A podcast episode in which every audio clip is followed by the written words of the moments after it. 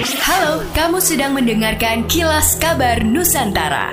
Podcast persembahan KG Radio Network menyajikan berita harian yang mengangkat keunikan dari berbagai wilayah Indonesia.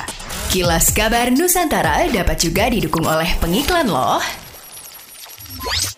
Bulan April mendatang akan menjadi momen istimewa bagi kota Bandung karena event Asia Afrika Festival akan kembali dihadirkan setelah sempat terhenti karena pandemi COVID-19.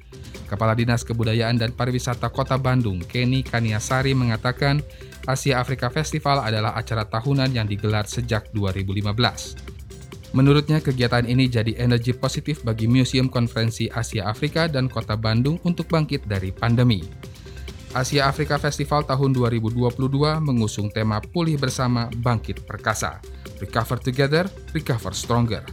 Akan ada beberapa rangkaian acara penting yang dihadirkan.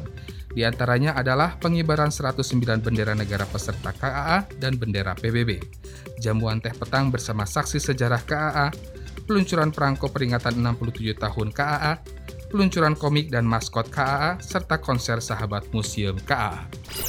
Pengen gak sih nambah wawasan yang enggak diajarin di sekolah? Seperti logika dasar, critical thinking, public speaking, atau bahkan NFT? Kuy, dengerin podcast Obsesif yang akan membahas seputar pengembangan diri dan soft skills khusus buat kamu persembahan Media Podcast Network by KG Media, hanya di Spotify. Badan Pusat Statistik Sulawesi Utara dalam rilis terbarunya menjelaskan jumlah wisatawan mancanegara yang datang ke Sulut melalui pintu masuk Bandara Samratulangi pada Januari 2022 sebanyak 466 orang atau menurun 54,98 persen dibanding dengan kunjungan Wisman pada bulan Desember 2021. Asim Saputra, Kepala BPS Sulut menyebutkan meski menurun dibanding capaian Desember 2021, namun jika secara year on year capaian Januari 2022 meningkat 7,62 persen. BPS juga merincikan kunjungan Wisman itu didominasi oleh warga Tiongkok sebanyak 227 orang atau 48,71 persen, Rusia 109 orang atau 23,39 persen, Jerman 23 orang 4,94 persen, dan Amerika Serikat 20 orang atau 4,29 persen.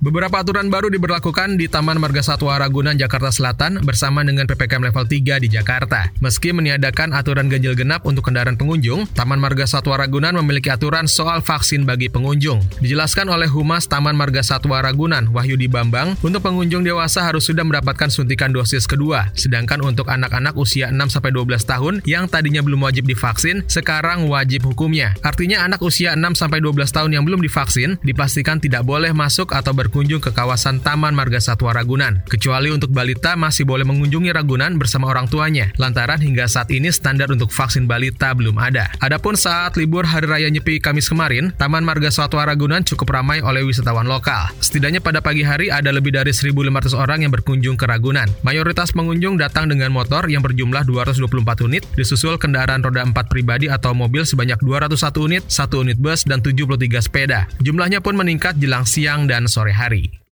Demikianlah kilas kabar Nusantara malam ini.